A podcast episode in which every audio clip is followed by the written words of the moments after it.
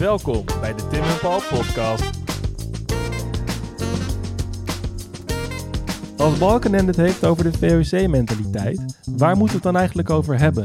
Daar werd wat groots verricht. Nee Tim, daar werd wat gruwelijks verricht. 400 jaar na de genocide op de Banda-eilanden staan we stil bij het slavernijverleden van de VOC en Nederlands-Indië. Een verleden dat gek genoeg tot vrij recent volledig vergeten of gebagatelliseerd werd. We spreken af met Reggie Bai om te praten over de diepe geschiedenis van de slavernij in de Oost. Maar niet voordat we twee huishoudelijke mededelingen hebben gedaan. Op de eerste plaats moeten we shout-out geven naar onze supporters via Petje Af. Daar nemen we onze historische hoed voor af en gaan we goed gemutst door het voorjaar heen. En op de tweede plaats, Sinterklaas is vroeg dit jaar. je kunt het recent verschenen boek van Reggie, Het lied van de goden winnen. Hoe? Dat hoor je in de aflevering. Maar dat gezegd hebbende, Hoog tijd om de aflevering in te starten.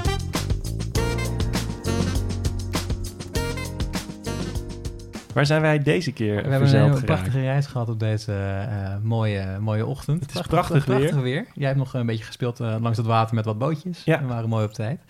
En ik heb heel veel zin in dit gesprek. En jij denk ik... eh, ik ook. Ik heb er echt naar uitgekeken. Ja, Het is een onderwerp wat, wat mij best wel aan het hart gaat. Eh, en ik denk eh, wat veel luisteraars ook gewoon echt niet weten. En... eh, het is recent onderzoek. En ja, het en is het is belangrijk het is een onderzoek. onder- onderzoek wat, of tenminste een onderwerp wat mensen misschien niet weten, maar extreem cruciaal is voor onze, onze kijk op geschiedenis en hoe wij Ja. omgaan met het, eh, met het verleden. Dus ik ben heel blij dat wij eh, dit gesprek mogen gaan voeren. Tegenover ons zit ook niet de minste. Eh, Zeker niet. We zitten in de, in, in de kamer waar allerlei posters aan de muren hangen met eh, titels van, eh van boeken. En dat, dat ja. zijn nogal wat, eh, wat, wat mooie titels. Eh, we gaan namelijk hier spreken met Reggie Bai. Ja, Auteur van onder andere Daar werd wat gruwelijks verricht, De Ogen van Solo, eh, Het Lied van de Goden. En eh, nou ja, ja, bedankt dat we hier, hier mochten zijn vandaag. Nou, eh, jullie zijn hartstikke welkom. Eh, het is natuurlijk ontzettend belangrijk, zoals je zelf al aangaf, dat dit onderwerp eh, nu eindelijk, eh, hè, dat daar wat mooi- meer licht op, eh, op komt en dat we daar meer bekendheid aan kunnen geven. Want het is toch cruciaal voor, voor onze gezamenlijke geschiedenis en eh, het feit nou ja, dat wij als Nederlanders eh, kennelijk een belangrijk element uit onze geschiedenis niet weten of vergeten zijn. Dat laat ik nog, nu nog even in het midden. Eh, ja, dat is gewoon ontzettend belangrijk dat we daar dan wat meer kennis over krijgen. En daar wil ik graag aan meewerken. Nou, tof. ja, we gaan het hebben over eh, de slavernij in Nederlands-Indië en eh, nou, eigenlijk in Indonesië. Ehm, vanuit de VOC-tijd tot aan nou ja, de afschaffing en misschien de, de nasleep en ook nog de herinnering eh, daaraan, als we het allemaal in onze tijd kunnen, kunnen vatten. Maar ik denk om, om te beginnen is, is ehm, ik denk als mensen over het algemeen nadenken over de VOC en over de, de misstanden die gebeuren in ehm, Nederlands-Indië, dat ze dan misschien meteen schakelen naar Multatuli, Max Havelaar. Ehm, dat werkt, maar echt grootschalige plantageslavernij, et cetera, is niet echt een onderwerp wat daarin valt. Nee, het is toch een beetje het beeld van de zuiveringen toch ook? Bijvoorbeeld van Koen, die dan Mhm. eh, gewoon zo'n zo'n eiland zuivert. Maar die slavernij is daar in, dat, in die context helemaal niet. eh, Nee, nou ja, je, je kunt, je kunt het eigenlijk nog breder trekken. Het, het, het, nou ja, een bekende uitspraak is natuurlijk... De, de geschiedenis wordt geschreven door de overwinnaar. Hè?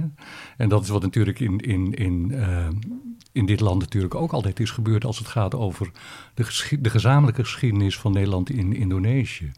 Eh, als we daar de, de, de, de zwarte bladzijde van, eh, van zien...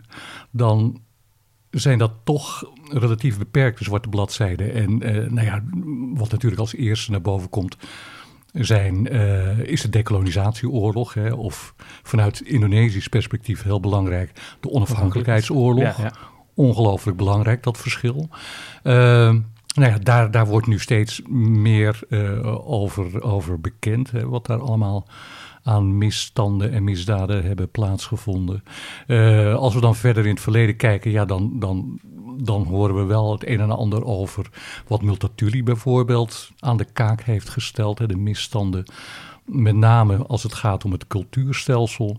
En, ehm, en als je naar de periode daarvoor gaat, is eigenlijk een van de weinige eh, eh, eh, grote misstanden die bij ons bekend zijn in dit land als het gaat om die geschiedenis. Natuurlijk het, het optreden van J.P. Koen in, op Banda. Maar er is zoveel meer gebeurd. En uh, je moet dat natuurlijk in een bepaald perspectief plaatsen. Als je dat zou doen met bijvoorbeeld, hè, we hebben dan nu, nu dat voorbeeld van, van Banda en Koen. Dan ontkom je niet aan het feit, en dan is het gek als we ons realiseren dat nooit dat verband is gelegd, dat het onherroepelijke directe gevolg van de zuivering die heeft plaatsgevonden op Banda door Koen, een direct verband heeft met slavernij. Want waarom vond die, die zuivering plaats? Nou ja, we weten allemaal dat, dat, dat Banda uh, nootmuskaat voortbracht. Een belangrijke specerij in die tijd. En dat de VOC simpelweg een uh, monopolie afkondigde. Die wilden dat de Bandanezen uitsluitend, want zij, de, de Bandanezen verbouwden die, die nootmuskaat al. Er waren geen plantages voor nodig, want zij verbouwden dat zelf al. En het was ook heel zeldzaam, toch? Misschien is dat nog even... Ja, het, het, was, het was heel zeldzaam. Eén plek op de wereld waar dat uh, Precies. kon worden, ja. En daarom was het ook zo duur en daarom was het ook zo lucratief. En daarom was in dit geval de VOC en, en Koen daar ook zo op gebrand om dat in handen te krijgen. Nou ja, die Bandanezen waren natuurlijk ook niet gek, want... Uh, uh, de belangrijkere handelspartners zaten in Azië voor, voor uh, nootmuskaat. Dus waarom zouden ze uh, gedwongen leveren aan, uh, aan, aan de VOC en Koen? Nou ja, doordat zij zich niet wilden schikken in dat opgelegde monopolie door de VOC, heeft die zuivering, of nee, je kunt beter zeggen, die volkerenmoord op banden ja. plaatsgevonden. En toen was er een probleem. Want als je de bevolking van het eiland, die die nootmuskaat moest, moest nou ja, verbouwen, of die muskaatnoten, dan heb je een probleem, want ja, wie moet dat dan vervolgens gaan doen? Nou toen is dat idee ontstaan van, oké, dan voeren we slaafgemaakte aan uit andere delen van Azië, en die we daar gewoon als slaaf te werk stellen, om dat te verbouwen. En toen is dat, nou ja, wat later het perkenierstelsel is gaan heten, is ontstaan om dat dure product te verkrijgen. Nadat eerst de, de bevolking die het eerst verbouwde is uitgemoord. Misschien um, is het dan ook goed om even stil te staan bij het, het aantal mensen. Of de zeg maar, percentage van de bevolking van Banda die uh, door Koen uh, is, is vermoord of, of, of verjaagd is. Um, over hoeveel mensen gaat dit? Uh, nou, ik heb de laatste tijd zoveel gegevens moeten oplepelen uit mijn hoofd. uh, maar anders kunnen we het daarna nog bijstellen. Het is vrijwel de gehele bevolking, niet de gehele bevolking. Nee. Dus een, ik denk dat, dat je op zo'n 90% van de bevolking. Ja. Wat vooral belangrijk is, is dat daar onomwonden een volkerenmoord plaatsvond. om simpelweg economische redenen omdat men zich niet wilde schikken in het monopolie wat werd opgelegd, werd de bevolking uitgemoord. Nou, dan zullen jullie, nou, dan zullen jullie de rekening betalen met je leven. Uh, nou, vervolgens is dus die plantageslavernij daar ontstaan eerder dan in de West. Hè? Uh, Want wanneer was dit dan ongeveer voor context? De, de, de volkerenmoord op Banda vond plaats in 1621. Uh, dus uh, dit is een herdenkingsjaar, ja, ja, precies. Uh, en als ik me niet vergis, gaat uh, het, het Westfries Museum in uh, Hoorn daar dit jaar ook op een goede manier aandacht aan besteden. Ja, Hoorn is de, de, geboorteplaats van Koen. Van Koen, ja. ja, dat, ja Dus heel goed dat ze daar op een goede manier bij stil gaan staan. Ja, dus niet als een viering, maar als een... Ja, van, goh, je moet er wat vraagtekens bij plaatsen. Ja, ja zeker. Ja. Ja. Dat is een hele flauwe vraag misschien, maar de naam is nu gevallen en we hebben het over Hoorn gehad. Daar is ook een standbeeld hè? Ja. van Jan Pieterszoon Koen. Wat vind jij daarvan? Want dat is de eindeloze discussie, toch? Ja, moet dat standbeeld weg? moet er een bordje bij? Moet er een ander bordje bij? Ja, nee, ik, ik, ik, ik vind dat soort discussies daar, daar, heb ik heel weinig mee, weet je dat? Uh, net zoals die discussie over de excuses. Waar het mij om gaat, is dat we de geschiedenis kennen. En als het, het, het weghalen van het standbeeld betekent, van Koen betekent dat we dan vervolgens deze man maar mogen vergeten en dus ook zijn daden mogen vergeten, dan ben ik daar apert tegen, terecht. wat ik belangrijk vind is dat we weten wat er is gebeurd. En dat we die geschiedenis belichten.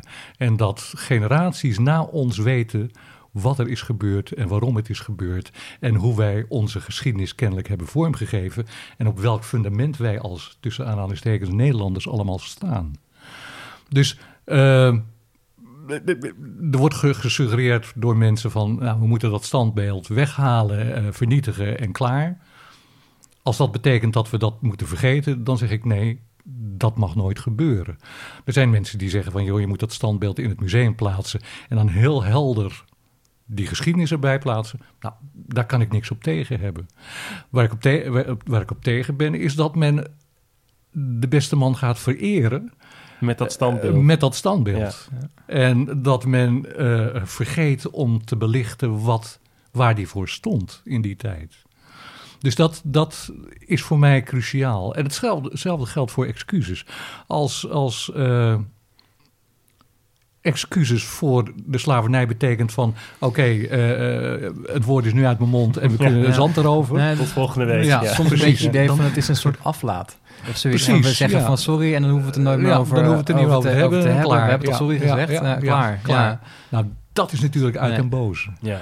Uh, uh, wat ik ongelooflijk belangrijk vind is dat als die excuses staan voor... oké, die erkenning doen we hierbij... en we gaan vervolgens zorgen dat die geschiedenis nou ja, voortdurend wordt belicht... en dat, wij, dat dat toegelaten wordt tot ons collectief bewustzijn. En we gaan dat, en vooral als het gaat om de slavernij in de Oost... ook in ons onderwijs expliciet behandelen en nou, dan nou, kan ik daar niks op tegen hebben. Integendeel, dan ben ik er dan natuurlijk alleen maar voor. Nou, laten we dan deze podcast gebruiken als, uh, ja, als, als een geheugensteun voor mensen. Of misschien een ingang voor, uh, voor verdere studie naar dit, uh, dit onderwerp natuurlijk. Dat zou mooi zijn. We hebben net heel kort gehad over, over Banda, maar dat is in 1621. Maar de VOC is actief überhaupt vanaf 16.2 bestaan ze. Mm -hmm. en, maar vanaf dat moment ja, vanaf 1621 spreken we dan over perkeniers en, en de plantageslaven. Maar is er in die, in die eerste periode daarvoor, die 20 jaar daarvoor, is daar ook al wat gaande? Jazeker, als het gaat om slavernij zeker. Je, kunt zeggen dat vanaf het moment dat men besloot om naar, uh, uh, nou ja, naar Indië te gaan, of naar de Oost zoals het toen werd genoemd, om, om die begeerde specerijen te vergaren dat er toen al sprake was van slavernij. Uh, want, en, dat is ook waar ik me tijdens mijn onderzoek telkens over verwonderd heb. Uh, niemand heeft zich ooit afgevraagd in de jaren hiervoor van... Uh, nou, ze gingen naar, naar de Oost, hè, de VOC, fantastisch. En er werden vestigingen gesticht, handelsvestigingen. En uh, nou, dat reilde en zeilde en, en ze kwamen volbeladen met specerijen terug. Niemand heeft zich ooit afgevraagd van, hé, hey, die vestigingen, die moesten gebouwd worden. Een hele infrastructuur moest aangelegd worden. Uh, die schepen moesten beladen worden, die handel moest gedreven worden. Uh, deden ze dat met die dronkenlappen die hier uit Europa hadden aangemonsterd, die, die, die nou, laten we zeggen, die honderd man? Natuurlijk niet. Vanaf het begin zijn slaafgemaakten gebruikt om dat hele systeem op te zetten natuurlijk. Die, die vestigingen moesten gebouwd worden. Die vestigingen, uh, die hele infrastructuur omheen moest aangelegd worden. Uh, noem maar op, alle handarbeid is in principe door tot slaafgemaakte uh, gedaan. Vanaf het begin. En gek dat niemand zich dat kennelijk ooit heeft afgevraagd. En waren dat mensen die, uh, in het geval van, van Jakarta of Batavia, waren dat mensen die uh, van Java afkomstig waren of kwamen die vanuit andere plaatsen? Nee, het, het, het principe was in ieder geval zeker later dat er zo min mogelijk mensen uit, uh, van Java zelf, als het gaat om Batavia, of Jakarta, zoals het toen uh, werd genoemd, uh, om die uit, uit, uit Java te halen, omdat men vreesde voor een, eh, een soort uh, Trojaans paard. Hè? Dat men een, ja, een, een, macht van, binnen, ja. van binnenuit uh, ja. en van buitenaf uh, gezamenlijk tot opstand konden komen. Dus die werden aangevoerd van andere delen van, van, van de wereld. En zelfs al, en dat was voor mij ook toen ik jaren geleden begon met onderzoek, een eye-opener. Zelfs al vanaf het begin van de 17e eeuw werden tot slaafgemaakte uit Afrika gehaald en getransporteerd naar, uh, naar de oost om uh, te werk gesteld te worden. Ja, want op de route van Nederland of nou ja, de Republiek der Zeven Verenigde uh, Provinciën. Op de route van dit land naar Azië kwam natuurlijk rondom men de Kaap en kwam men langs uh, Afrika. En daar werden al tot slaafgemaakte gekocht. Op de uh, slavenmarkten uh, in Oost-Afrika. En vervolgens verder getransporteerd, meegenomen naar, naar de Oost, om daar te werk gesteld te worden. Nou ja, en verder natuurlijk ook weer langs de route in, in, voor Indië. Uh, Bengalen met name, ehm, werden tot slaafgemaakte ingekocht en verder getransporteerd. Dus die kwamen uit verschillende delen van, van, van Azië om te werk gesteld te worden in, in, in dit geval bijvoorbeeld Jakarta.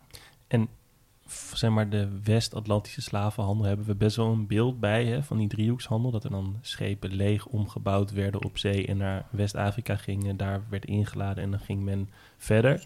Hoe werkte dat dan in dit geval? Was er aan boord van die VOC-schepen dan een bepaald deel waar deze mensen werden, ja, hoe zeg je dat, gevangen gehouden om dan de rest van de, de reis te vervolgen? Of, want daar hoor je ook niks over. Toch? Nee, Hoe dat aan, aan, boord van nee. ging. Nou ja, dat, een van de grote uh, verschillen is natuurlijk dat uh, de slavenhandel in de West was echt een, een, een vooropgezette slavenhandel. Daarvan wisten we van het handelsproduct. Is de mens. Is de mens. Ja. Terwijl als het gaat om de, de, de slavenhandel zoals die onder meer uh, niet alleen door de VOC, hè, maar ook door particulieren later werd bedreven. Dat was, daar was de mens een bijproduct. Dat was niet het hoofddoel. Doel. Uh, dat betekende dus, en ik heb daar verschillende uh, in de archieven, nou ja, verschillende van die ladingsbrieven gezien. Dat betekent dus dat ze uh, naast, uh, nou noem maar op, salpeter, uh, textiel, ja, noem maar op, allerlei producten, was de mens ook nog een, een product ertussen. En die werden daar dus, nou ja, in een deel van het ruim werden die daar gevangen gezet, vervoerd. Op een, en moet je nagaan als dat vanuit Oost-Afrika was naar Azië, dat was een enorm lange reis van enkele maanden. En dan ja, onder erbarmelijke omstandigheden natuurlijk. Maar ook daar horen we niks over, omdat dat vrijwel niet bekend is nog. Um, nou ja, en dan kwamen ze daar aan en uh, dan werden ze of direct te werk gesteld, of ze werden doorvervoerd naar andere vestigingen, zoals op de Molukken hè, of naar Banda. Uh, of ze werden eventueel verkocht uh, als, als het zo uitkwam. Maar het was en dat is natuurlijk essentieel om, om ons te realiseren. Het was niet het hoofd, de mens was niet het hoofddoel van, van de handel. De mens was het bij, bij uh, handelsproduct, om het zo maar eens oneerbiedig te zeggen. Ja, daar ben ik even stil van. Ja. Maar het is, er, er is gewoon documentatie over. Toch? Er zijn archieven van, van dit. Want, uh, en het, het is dus jarenlang niet onderzocht. Niet nee. willens en wetens misschien. Of, of omdat, misschien omdat het een, een bijproduct was eigenlijk. Uh, Niet relevant in de totale handel misschien. Of hoe, hoe moeten we dat inschatten? Of hoe moeten we dat zien nu? Van... Ja. Nou ja, in lezingen geef ik altijd het voorbeeld van... Uh, uh, nou, ik lees toevallig de NRC. Eh, NRC en op, uh, op zaterdag in het weekend heb je altijd zo'n uh, advertentie van een een, een niche uh, relatiebemiddelingsbureau. En dan, dat lees ik altijd, omdat ik ook als taalkundige denk van... mijn hemel, hoe verzinnen ze het bij elkaar? Dan krijg je dus inderdaad uh, een advertentie... waarbij de superlatieven over elkaar vallen. Hè? Van, van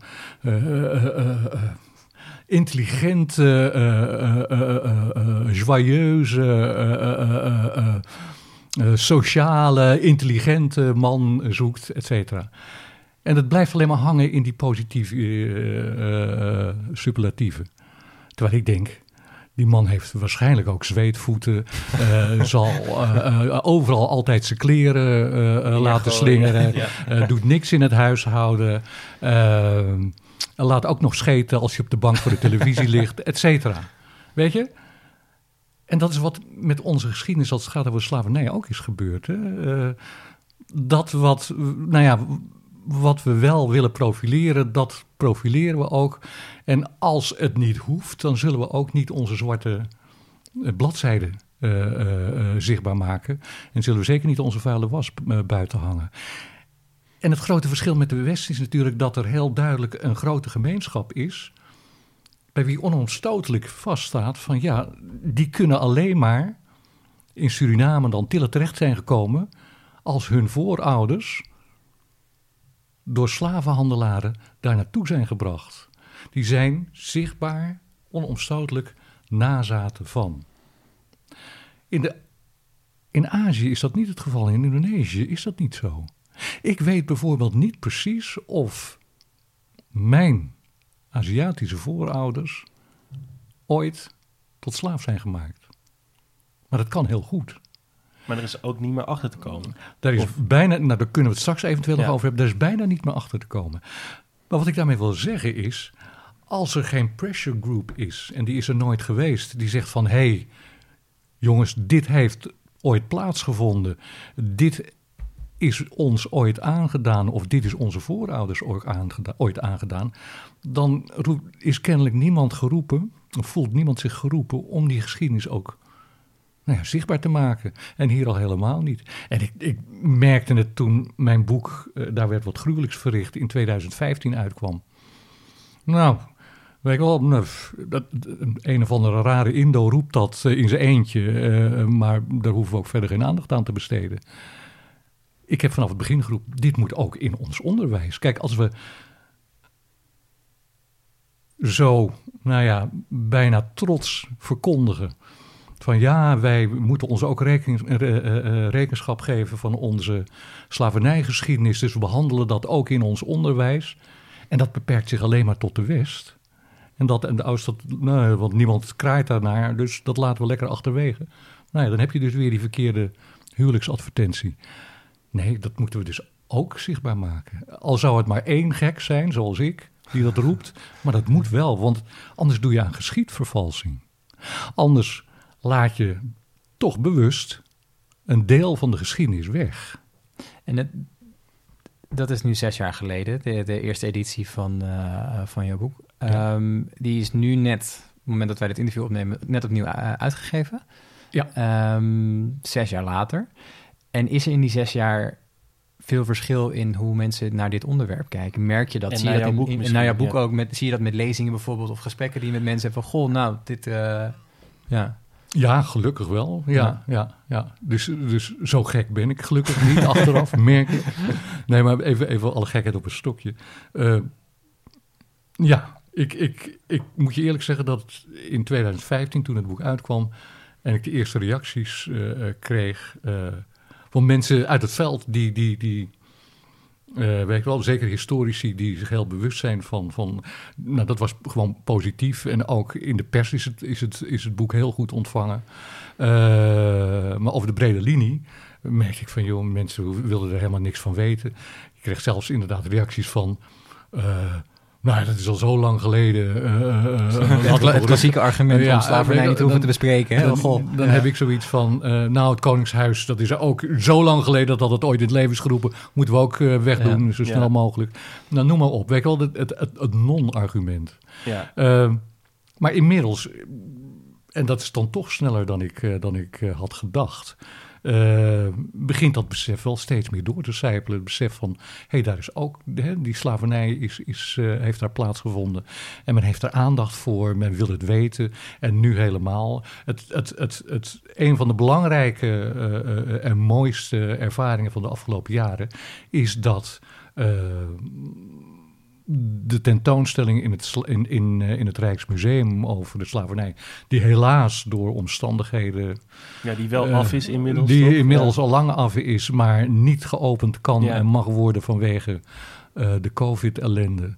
Uh, dat daarin ook een wezenlijk deel is, is aandacht wordt besteed aan de slavernij in de Oost. Nou ja, dat is een erkenning ja. van de slavernij in de Oost. Wie kan daar nu nog omheen? Als je het hebt over de, de, Nederlandse slavernijgeschiedenis en je wil je alleen maar beperken tot, tot de West, dan zal in ieder geval een substantieel deel van onze bevolking denken van hé, hey, daar mist iets. Daar mist iets. Daar klopt iets niet. Dus nou ja, dat is, dat is al een hele belangrijke uh, verandering die ik, uh, die ik constateer. Um, en ja, het, het, het, ik merk het ook in lezingen dat, daar, dat men daar steeds meer voor open staat. Ja, maar je kunt het ook niet meer ontkennen, hè? want de, de bewijzen zijn er. Ja. Het is zwart op wit. Je, je, je, je kunt niet meer met goed fatsoen zeggen, ja, onzin, of het bestaat niet. Het, ja. het, ja. Nou of het, het, was er wel, maar het viel misschien wel mee of zo. Dat, Ja, weet je, wat je ook zo vaak hoort en denkt van, hoezo, leed valt mee. En het is ook helemaal niet relevant uh, om het uh, op een schaal uit te meten van hoe wat erg was, was het leven. Ja. En, wat, en wat, daar heb ik een, een, een, gruwelijke hekel aan, omdat dat een, een, een, een, een, grove belediging is van de mensen uh, wie het aangaat. Hè? Ja. Je... Maar dit, dit, is wel de, wat, je, wat je vaak leest of ziet in, in opiniestukken bijvoorbeeld. dat het dan inderdaad, het gaat dan of het nou over, over de slavernij in Suriname gaat, maar dan, dan mag je vanuit de Indische kant mag je dan eigenlijk, ja, dat, dat was dan anders.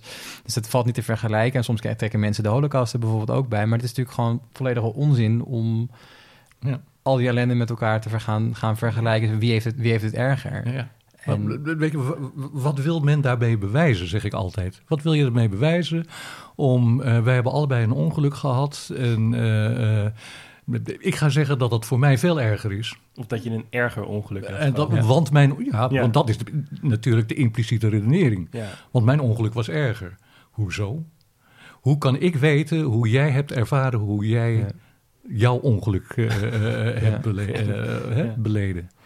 Ja, en misschien is dat ook een stukje historische empathie die mensen dan niet, niet 1, 2, 3 hebben of parade hebben of iets. Hoe Je, ja. ja het, het, is vaak het ontkennen van de ander. Hè? Het is vaak het ontkennen van iets wat je niet wil weten. Of uh, uh, vooral aandacht vragen voor wat jezelf is overkomen. En dan denk ik van. En zeker ook als het gaat om de, de, de, de, de slavernijgeschiedenis in de Oost en de West. Wij maken elkaar sterker. Wij laten zien samen dat de Nederlandse slavernijgeschiedenis erger was, groter, omvangrijker was dan we tot nu toe altijd hebben gedacht en beweerd.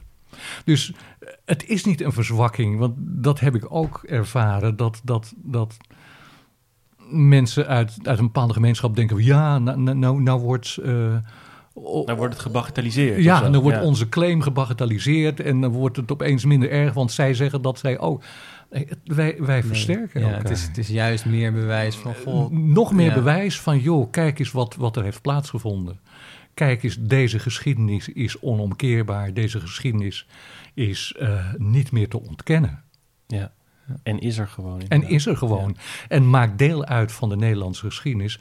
En moet dus inderdaad ook deel uitmaken van ons collectief bewustzijn en ons collectief historisch besef. Ja. Als we nog even teruggaan, misschien naar die slavernij zelf. Um, Zou jij kunnen schetsen hoe dat eruit zag? Gewoon, was, er, was het echt een plantage-economie? waren er slaven tot slaven gemaakt in steden bijvoorbeeld? Was er... Uh, kan je daar iets over zeggen? Ja, nou ja, het, het handigste is om daar, uh, want het, is een ongelooflijk brede ja. vraag die je stelt, ja. dat snap je. Maar het handigste is altijd om, om uh, bij dit soort vragen de vergelijking te maken tussen de, de, de West en de Oost. Ja. Want er was een, een wezenlijk verschil. Hè? De, de, de in de West, West hebben we het beeld inderdaad van die, van die plantages van privé-eigenaren die Ja. dan in Paramaribo slaven kochten. Ja. Tot, sorry, ik zeg steeds slaven, tot slaafgemaakte Ja. kochten. Ja. Nou, het is ook heel lastig, want ik zeg het ook, uh, weet dat tussendoor telkens sla. Het, het, maar mensen weten wat ik bedoel. Uh, Ja. Als ik het heb over slaven, of als jij het hebt over slaven, dan hebben we het over. tot dus slaven. tot slaven Mensen die tot slaaf gemaakt zijn. Dus laat dat helder zijn. Ehm, maar de West was, zoals we dat in historische eh, eh, termen noemen, een plantagekolonie. Dat was een kolonie waarin eh, eh, plantages echt op grote schaal eh, eh, eh, zich bevonden. En eh, die moesten dienen om het product eh, voor te brengen, eh, wat vervolgens verhandeld kon worden en winst kon opleveren. En daarvoor waren tot slaafgemaakten nodig. De Oost, in dit geval dan eh, eh, eh, Indonesië, het vroeger Nederlands-Indië of Oost-Indië. Overigens, die slavernij waar bijvoorbeeld ook de, de particulieren en de, de VOC zich mee bezig hield. in de Oost betrof niet alleen Indonesië, maar ook gebieden daarbuiten. Hè, voor Indië, Ceylon, het huidige Sri Lanka, et cetera. Ja, want het VOC-gebied was natuurlijk veel Was veel groter dan nu het Ja, huidige Indonesië. precies. Ja. Maar als we het hebben over, over eh, de Oost, in dit geval Indië, dat was een handelskolonie. Dat was geen plantagekolonie. Simpelweg vanwege het feit dat die begeerde producten, in dit geval specerijen, die werden al verbouwd door de bevolking. Ja. Dus daar hoefden geen eh, plantages aangelegd te worden door, door in dit geval de VOC of de Europeanen die daar kwamen. En er hoefde dus ook niet specifiek voor dat product eh, eh, duizenden tot slaafgemaakte aangevoerd te worden, die daar te werk moesten worden gesteld. Dus het was een handelskolonie. Dat maakt al een wezenlijk verschil. Behalve dan als het gaat om eh, eilanden als, als, als Banda in dit geval. Waar dus de bevolking niet meer het product kon voortbrengen, omdat het simpelweg was geëlimineerd. Dus de meeste tot slaafgemaakte in de Oost werden niet gebruikt voor een plantage, want die waren er niet in die vorm zoals in de West, maar werden gebruikt simpelweg om alle, nou ja, werkzaamheden te verrichten die normaal gesproken door betaalde krachten zouden moeten worden verricht. En dat was een range die heel breed was. Dat was ehm, van werken op inderdaad de tuinen, eh, eh, eh, vergelijkbaar met plantagearbeid, of in, in steengroeven, in mijnen. als handwerkslieden werden tot slaafgemaakte gebruikt, tot aan, en dat ook op grote schaal in dit geval, in de huishouding, als luxe werden tot slaafgemaakte gebruikt. En dan zie je dus dat de slavernij in de Oost eh, ook heel veel overeenkomsten eh, had met de slavernij op de Antillen bijvoorbeeld, waar ook veel eh, eh, tot slaafgemaakte werden gebruikt in, als handwerkslieden, maar ook zeker ook in de huishouding. Nou, dus dat, dat is een groot verschil, want we hebben altijd het, het, het, bijna het cliché-achtige beeld van slavernij plantage. Ja, precies. Er is gewoon een soort gebied waar mensen leven en op een plantage werken. En, En dat, dat, dat Ja. heeft heel erg te maken ook met het Amerikaanse beeld wat we hebben. met de- de, de- katoenplantages, Ja. et cetera. En in dit geval ook eh, in Suriname, de, de plantages. Maar het was natuurlijk een veel bredere vorm van... Op het moment dat een mens beschouwd wordt als bezit van een ander... Ja. en die ander kan ermee doen met die mens wat hij of zij wil... dan hebben we het over slavernij. En of dat dan vervolgens te werk stellen op een plantage is of in de huishouding, slavernij is slavernij. Eh, dus dat is een, een heel groot eh, verschil. En wat ook een heel groot verschil is, is dat de, de slavernij in, door dat, die, dat andere karakter in de Oost eh, minder grootschalig was. Dus je had niet, of veel, veel minder vaak, eh, gemeenschappen van bijvoorbeeld 100 tot slaafgemaakte bij elkaar op één plantage. op één Ja. plantage of één, één huishouden of wat dan ook. Die waren er overigens wel. Hè? Ja. Eh, ik geef in, in mijn boek ook een voorbeeld van, als ik me niet vergis, gouverneur-generaal van Riemsdijk. Die dan tegen zijn zoon, nou ja, zijn zoon studeert dan in Nederland. eh, of in de Republiek. En hij schrijft dan een brief terug. En daarin pocht hij dat hij inmiddels 200 tot slaaf gemaakt eh, eh, heeft. Die, eh, nou ja, in zijn bezit heeft en, en die te- overal te werk stelt. En die had geen plantages. Hè? Dat was gewoon in zijn huishouden. En om een, Ja. dus het, het, het, het zegt iets over de manier ook waarop er tegen tot slaafgemaakte werd aangekeken. ja. Dat was bezit en dat gebruikte je voor je eigen nou ja, eh, economische doeleinden of voor je eigen genot. Dat is misschien ook nog een interessant eh, insteek. Want hoe zit het met de vrouwen die tot slaaf gemaakt werden? Wat was hun rol in deze, eh, in deze maatschappij? Ja, het, het, ik zou bijna zeggen, en dan wordt het een, een reclamepraatje. Maar mijn laatste roman gaat erover. Want dat is wat ik. Dan moet ik eigenlijk, eigenlijk terug naar. eh, naar een vraag die, eh, die we in het interview nog niet gesteld hebben. Van hoe ben ik er überhaupt ooit toe gekomen om, om eh, nou ja, onderzoek te doen naar de slavernij in de Oost. En hoe ben ik ertoe gekomen om dat boek te schrijven over, over de slavernij in de Oost? Daar werd wat gruwelijks verricht. Nou, dat heeft een hele lange voorgeschiedenis. Ehm, voor jaren terug heb ik een boek over eh, de Njai geschreven. En dat eh, de Njai waren de zogenaamde concubines van Europese mannen in de kolonie, eh, in dit geval Nederlands-Indië. Ehm, we hebben ons dat ook nooit afgevraagd, maar al die mannen in de bloei van hun leven, die duizenden Europese mannen die daar kwamen, die eh, kwamen daar aan na een lange zeetocht eh, en er waren geen Europese vrouwen. Nou ja, en als je dan een, een, een machtsrelatie hebt van de witte man en de tot slaaf gemaakte Aziatische vrouw of de baboe, hè, nadat de slavernij was afgeschaft, dan weet je wel wat er gaat gebeuren. Dan, nou ja, vergrijpen die mannen zich aan, aan, aan deze vrouwen. Eh, en dat gebeurde op grote schaal. Hebben we ons ook nooit afgevraagd. Hè? Al die duizenden mannen, eh, alsof die celibat, eh, celibatair, Ja, al die, die eeuwen celibatair bleven. Natuurlijk niet. En die vrouwen die werden dus inderdaad als concubine gebruikt.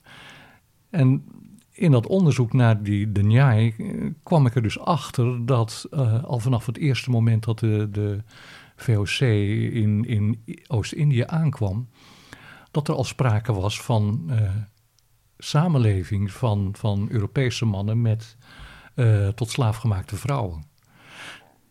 Nou, dat betekent dus dat al vanaf het eerste moment dat er eh, tot slaafgemaakte vrouwen waren, ze, en ik zeg dat ook in mijn roman, zij net zo kwetsbaar waren als zuigelingen.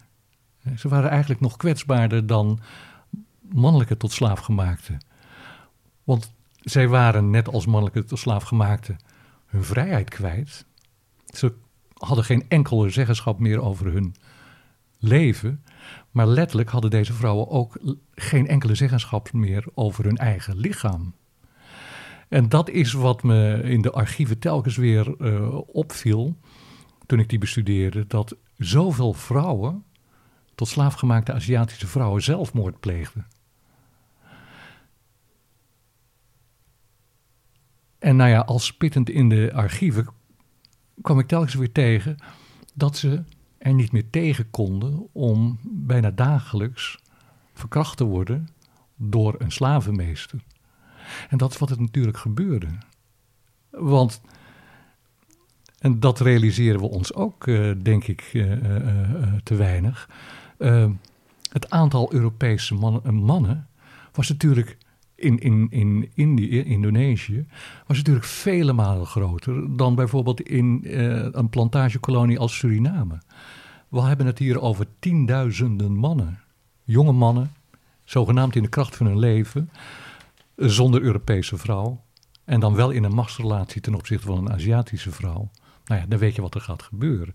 En dat gebeurde dus Vanaf het begin eigenlijk. vanaf het begin op grote schaal. En toen ik erachter kwam dat die uh, Aziatische tot slaafgemaakte vrouwen inderdaad niet alleen hun, hun, de zeggenschap over hun leven, hun vrijheid kwijt waren, maar ook nog eens een keer letterlijk over hun lichaam. Toen realiseerde ik me van jeetje, dat moet afschuwelijk geweest zijn. En daar is ook nooit aandacht aan, aan uh, voor geweest. Nou ja, en toen besloot ik ook, nadat ik het, het boek over, uh, het, het non-fictieboek met de feiten over de slavernij had geschreven, hier wil ik een ook een boek over schrijven, een roman, omdat ik nergens een ego-document kon vinden. Helaas bestaat die niet. En ik hoop dat vroeg of laat er ooit nog eens een ego-document opduikt van een tot slaaf gemaakte of man of vrouw uit de Oost. Uh, een uitgebreid uh, ego-document. Maar omdat die er niet was en omdat ik me.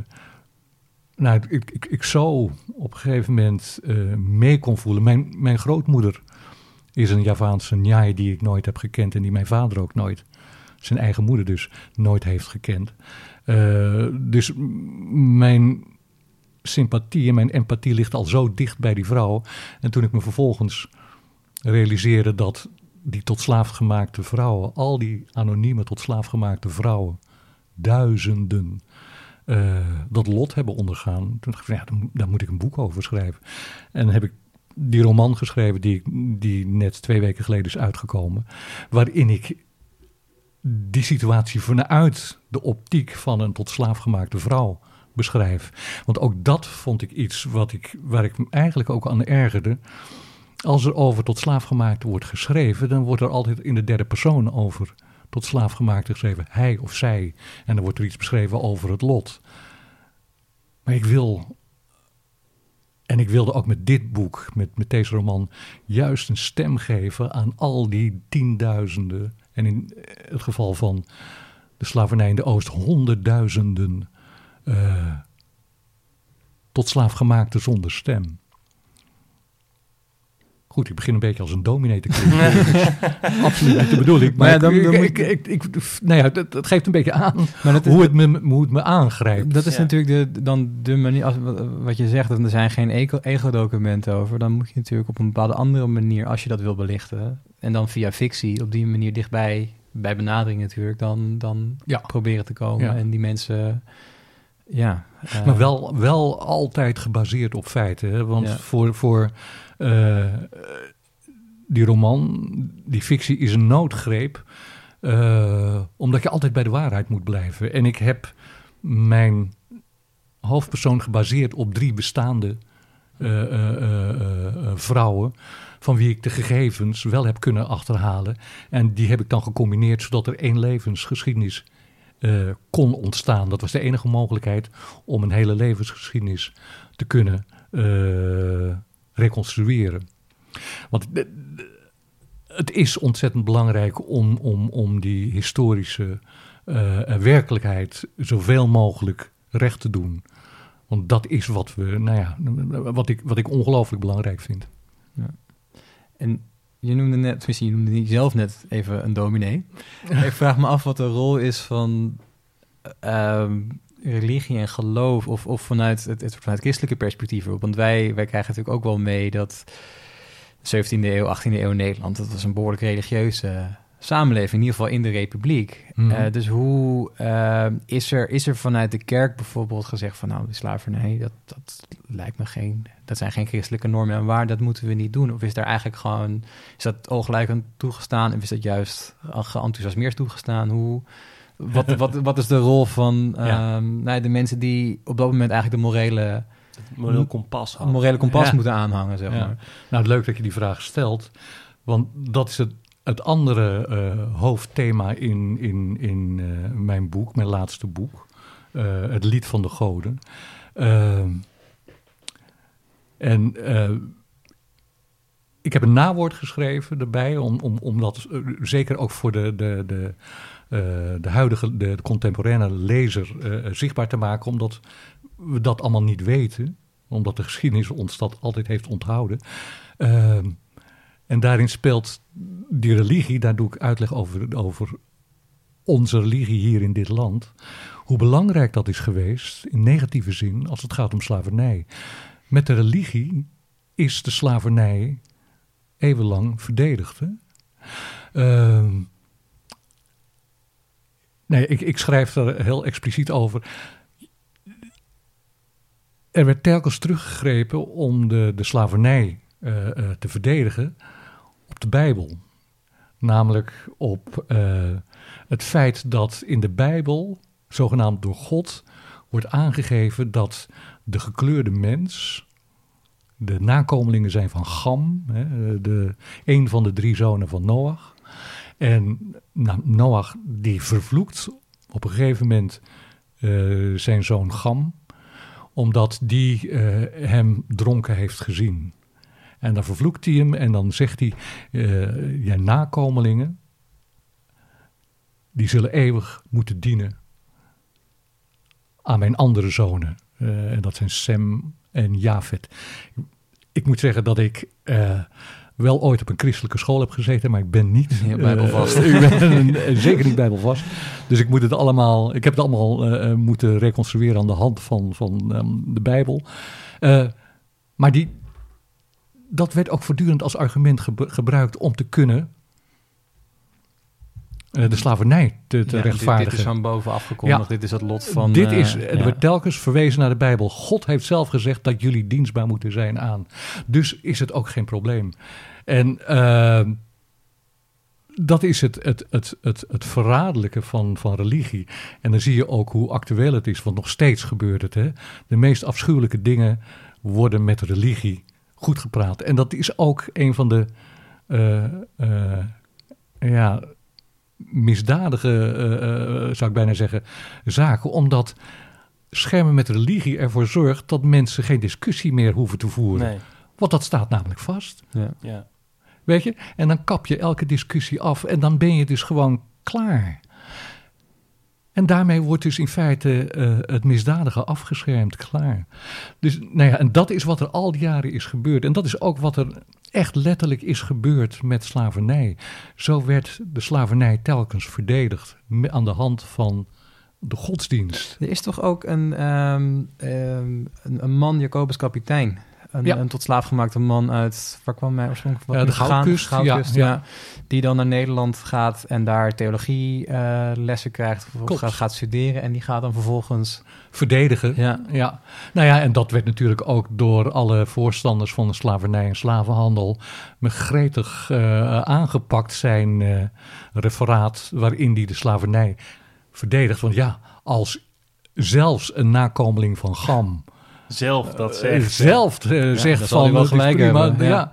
Maar deze man was natuurlijk, als we dat hè, vanuit 21ste eeuws perspectief terugkijken, die was natuurlijk zo eh, geïndoctrineerd vanuit zijn positie als tot slaafgemaakte die hier door zijn meester De kans kreeg, de kans ja. kreeg om te studeren. Ja, dan moet hij ook wel. Ik denk dat het zo gegaan is. Maar in ieder geval, het feit dat hij een pleidooi voerde hè, als geleerde tot slaafgemaakte.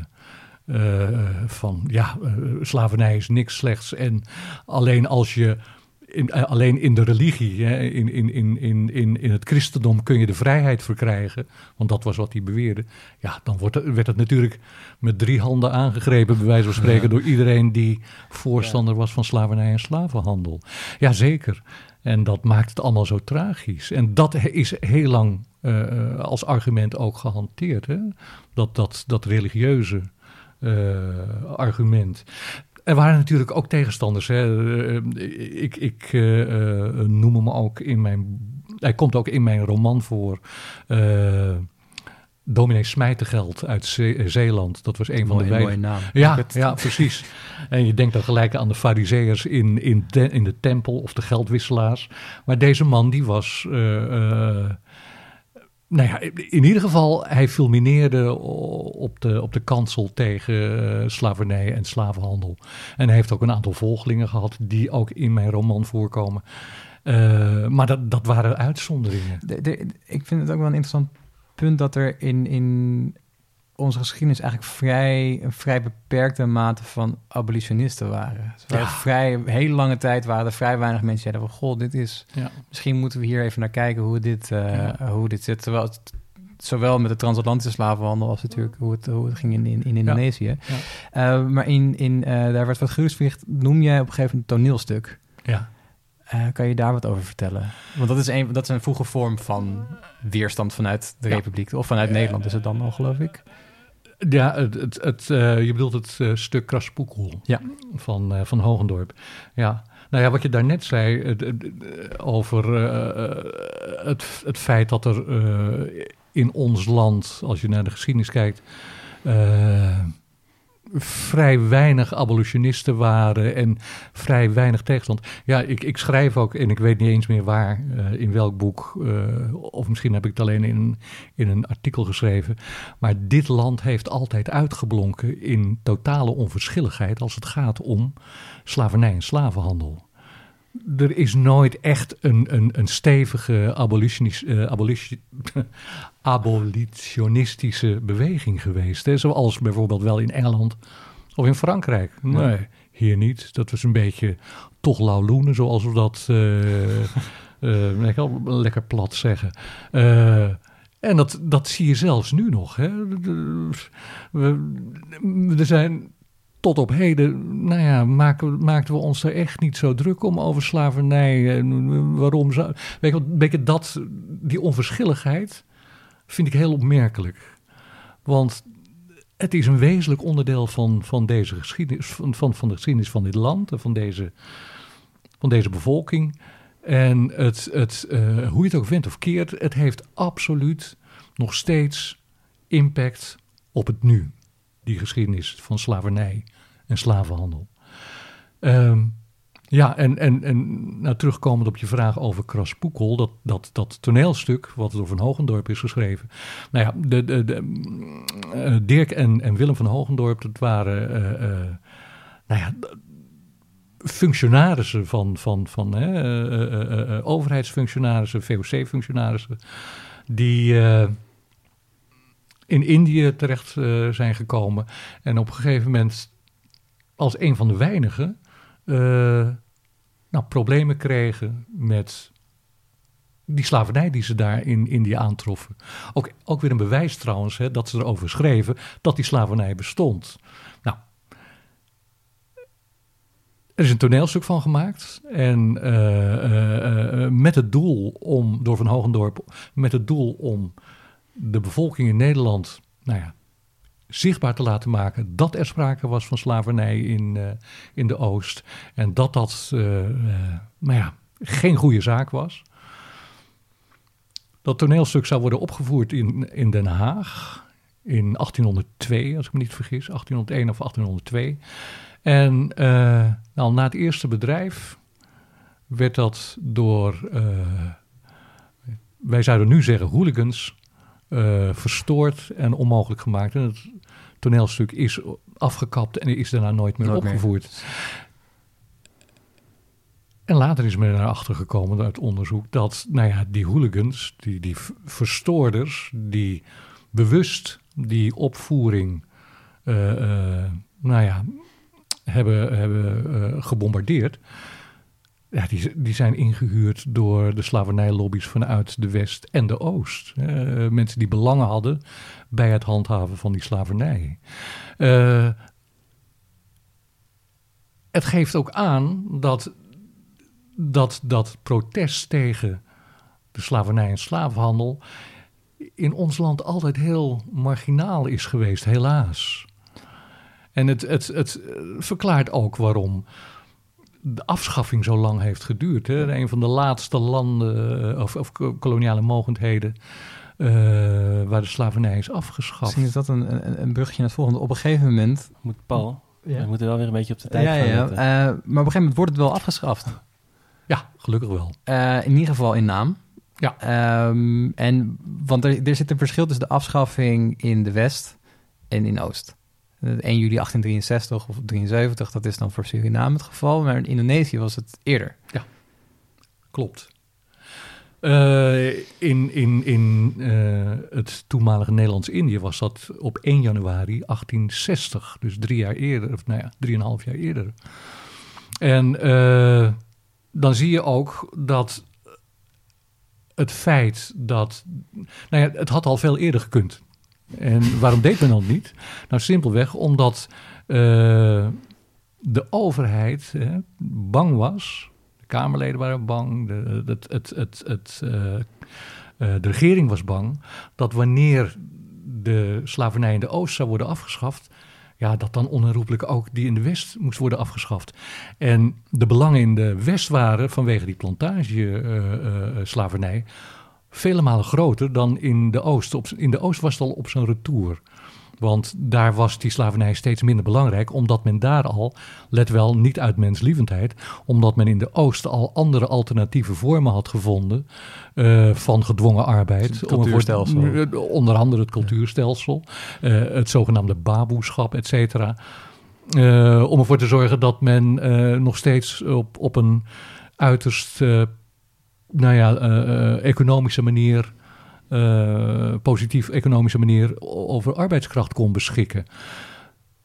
Maar waarom werd het niet eerder afgeschaft? Omdat men bang was vanwege de belangen in, in de West. Nou op een gegeven moment kon men er niet over uh, onderuit. En een van de belangrijke mensen, en uh, ook dat wil ik benadrukken, dat, dat is een ongelooflijk belangrijke man geweest in onze geschiedenis, Van Heuvel die uh, verdient echt meer aandacht. Die heeft zich heel erg sterk gemaakt voor die afschaffing, zowel van de slavernij in de Oost als in de West. Nou ja, die heeft in de Kamer heel erg uh, zijn best gedaan om ervoor te zorgen dat het werd afgeschaft. Nou ja, toen is in, in, in, al in 1854 het besluit genomen dat de slavernij in de Oost zou worden afgeschaft bij 1 januari 1860. Waarom niet in 1854 al? Hmm. Nou, vanwege dus de belangen die nog speelden in uh, de West. En als het aan de regering had gelegen, was het nog veel later gebeurd. Ook in de West. Maar, maar ook hier zie je weer hoe, hoe ongelooflijk traag en, en onverschillig. En onverschillig. ja. ja. misschien is dat het, het betere woord. Echt onverschillig men hier in dit land altijd ten opzichte van zoiets vreselijks als slavernij en slavenhandel heeft gedacht en gehandeld.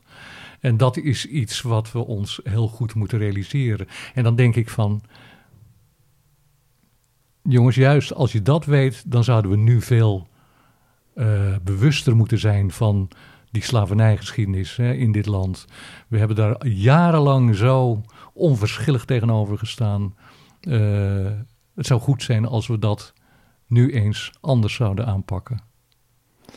Ja, um, Paul, we moeten naar de afronding toe. Oh, sorry. Uh, uh, ik zat anders, anders, anders blijf blijven we uren zitten. Um, ik heb nog één vraag die ik ja. graag wil stellen. Nou, stel hem. En jij mag er ook nog eentje stellen. Oké, okay, dankjewel. dankjewel. Als het mag van, uh, ja, van Regie natuurlijk. Moet je eerst aan mij vragen of jullie dat ja, we zitten jouw tijd op te, ja, op te het is mijn tijd. Ga je gang, Tim. Uh, ja, het is een beetje open vraag misschien, maar uh, ik ben wel heel benieuwd hoe jij, nu je dit allemaal weet en al dit onderzoek hebt gedaan, nu kijkt naar de VOC als instituut. Want om de VOC hangt toch altijd nog een soort van toch dat glorieuze randje. Het was de eerste aan, aandelenonderneming. Uh, het was hartstikke bijzonder, wordt vaak gezegd. Ik heb ook nog een college gehad over de vraag of we de, de VOC moeten zien als een kolonisator of een koopman. Uh, ik ben heel benieuwd hoe jij daar naar kijkt. Nou, ik moet je zeggen dat ik er niet anders naar kijk dan ik daarvoor al deed. Uh, maar dat heeft te maken met het feit dat ik al, nou ja, wat is het, 30 jaar lang bezig ben met die geschiedenis. Dat betekent dat ik, nou, dan kom ik toch weer terug op die, die, die gemankeerde, uh, uh, weet dat, relatieadvertentie. ja. Van, weet je, in onze geschiedenis, in, in, nou ja, in de Nederlandse geschiedenis is dat beeld van de VOC altijd gecreëerd van een, een, een, een geweldige onderneming met al die positieve ja. eigenschappen. En dat is men kennelijk gaan geloven. Nou, door mijn onderzoek, wat al 30 jaar geleden, ruim 30 jaar geleden is begonnen, was ik er al lang achter dat dat niet zo was. En ik kon het ook niet geloven. Weet je, het, het, het, uh, maar misschien heeft dat ook met mijn achtergrond te maken, dat ik sowieso al dat wantrouwen had als het gaat om hoe ik de geschiedenis voorgeschoteld kreeg. Want ik heb van jongs af aan, en daarom ben ik ook bepaalde dingen gaan studeren die ik ben gaan studeren, uh, dat het mij al opviel dat ik nooit iets over Indonesië te weten kwam in dat geschiedenisonderwijs wat wij kregen. Behalve dan dat de VOC daar in 1602 eh, geweldig... Het eh, eh, verspreiden. ja, Ja. bij wijze van spreken. En dat we eh, eh, daar geweldige dingen hebben gedaan. En dat bijvoorbeeld die onafhankelijkheidsoorlog, waar die ervoor gezorgd dat, ervoor heeft gezorgd dat mijn ouders moesten vluchten. En dat eh, ze hier terecht zijn gekomen, dat ik hier ben geboren en hier ben opgegroeid. Eh, en die hen zwaar heeft getraumatiseerd. Dat ik daar nooit iets over hoorde. En dat dat de politionele acties genoemd werden. ja, weet je, en dat dat dan gewoon verder een beetje in het midden werd gelaten. Ja. Dus dat wantrouwen was er sowieso al. En als het gaat om de VOC, ja, ik, ik ben door dat onderzoek, wist ik al lang dat, en dat kan ook niet anders. Ik bedoel, jij bestaat ook niet alleen maar uit louter, louter prachtige eigenschappen. Je hebt ook... eh, Nee, Tim. Dat eh, eh, hoor ik hier van een dingen. ander. maar ter geruststelling van jou, die heb ik ook, weet je wel. Dus het, het gaat er helemaal niet om Maar het is wel op, opvallend toch dat zeg maar, de WIC al best wel lang dan een beetje bekend staat. Zo van, oeh, nou dat was niet zo we best. het niet echt over. Eh, Nee, zo van, oeh, jeetje. Ja. En, en die VOC is nog altijd iets soort van Eh, mythisch ja, ja, ja, maar dat, dat kan, kan ik niet anders. Er was, ook, er was ook met geen fatsoen een ander beeld van de WIC te schetsen. Ik bedoel, Nee, je moet wat, wel echt goed je best willen doen. eh, ja, wat, eh, wat, wat moet je daar nou van verzinnen? Het was echt een slavenhandelaar. Het was simpelweg een mensenhandelaar. En wat, wat moest je daar verder bij verzinnen? Nou, daar valt niks eh, bij te verzinnen. Dus dat, is, dat was sowieso al onmogelijk. En de VOC, ja, dat, daar konden we van alles omheen eh, breien. Want dat was ook, dit was niet als, opgezet als een mensenhandelaar. Nee, dat was opgezet om ervoor te zorgen dat wij die, die, die, die handel konden drijven en die, die belangrijke specerijen konden halen. Dus dat beeld. Ik ben alleen maar blij dat dat beeld door allerlei onderzoek, ook door mijn onderzoek, maar zeker ook door alle andere onderzoeken die er plaatsvinden en nog gaan plaatsvinden, dat dat beeld genuanceerd wordt. Het gaat er mij om dat we een genuanceerd beeld krijgen van onze geschiedenis en dat we niet meer het halleluja-effect hoeven na te lopen wat, wat al die jaren is gebeurd. Want daar worden wij niet wijzer van. Net zo min als wij wijzer worden van al die positieve eigenschappen die, die we te horen krijgen van iemand, terwijl we eigenlijk willen weten hoe iemand echt is. En dan moeten we dus ook dat andere beeld erbij krijgen. Want dan kunnen we ons echt een oordeel vormen. En dat geldt zeker ook voor onze geschiedenis. Wij zijn niet louter geweldige mensen met een, met een fundament dat bestaat uit, uit echt gewapend beton van krachtige mensen die iets heel moois hebben gecreëerd. Nee, daar zit betonrot tussen. Eh, Maar dat moeten we ook weten. En daarom is het zo belangrijk om zicht te krijgen op, op, op dat genuanceerde beeld van onze geschiedenis. Ik heb daar eh, helemaal niks meer aan, aan toe te voegen. Ik zeg ook wel zeggen, ik wil nog een laatste vraag stellen, maar laat ik het gewoon houden op eh, waarvan akte. En bedankt vooral. Bedankt Ja. voor je tijd. Heel graag gedaan. Hartelijk, hartelijk dank. Heel graag gedaan.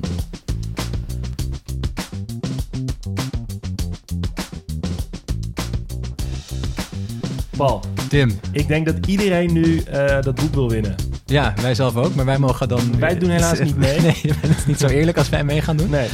Ehm, ik denk dat het weer iets te maken gaat hebben met winnen.geschiedenispodcast.nl. Daar zeg je me wat. Ja. Ik verstond je trouwens niet, niet goed. We kan je- wat, wat, wat is het e-mailadres? Winnen, apenstaartje geschiedenispodcast.nl. En het lijkt mij nou zo leuk als iedereen eh, die dat boek wil winnen... eh, ons in een vlammend betoog gaat overtuigen... eh, wat er met het standbeeld van Jan, Jan, Jan Pieterszoon Koen moet gaan gebeuren. Ja, je krijgt, Blijft een, het? je krijgt een historische opdracht mee. Een, beetje Ja. een essaytje. Voor, tegen, laten staan, weghalen, eh, vernietigen, vernielen, verfraaien, bloemetjes bijleggen. Maakt eh, ons allemaal niet uit, maar schrijf een, be- eh, schrijf een betoog. En overtuig ons. Overtuig ons van wat wij moeten doen met Het standbeeld. het standbeeld. En dan gaan wij dat even regelen. Bellen wij wat mensen. En vergeet niet te mailen naar winnen.geschiedenispodcast.nl Vond jij dit nou een interessant verhaal en wil je meer over geschiedenis weten? Hou dan onze Instagram in de gaten. We zouden het ook heel leuk vinden als je een recensie achterlaat. 5 sterren, mag gewoon. En heb je nou een vet idee waar we het over kunnen hebben? Slide dan in onze DM's. Durf gewoon te vragen. Tot de volgende. Groetjes thuis.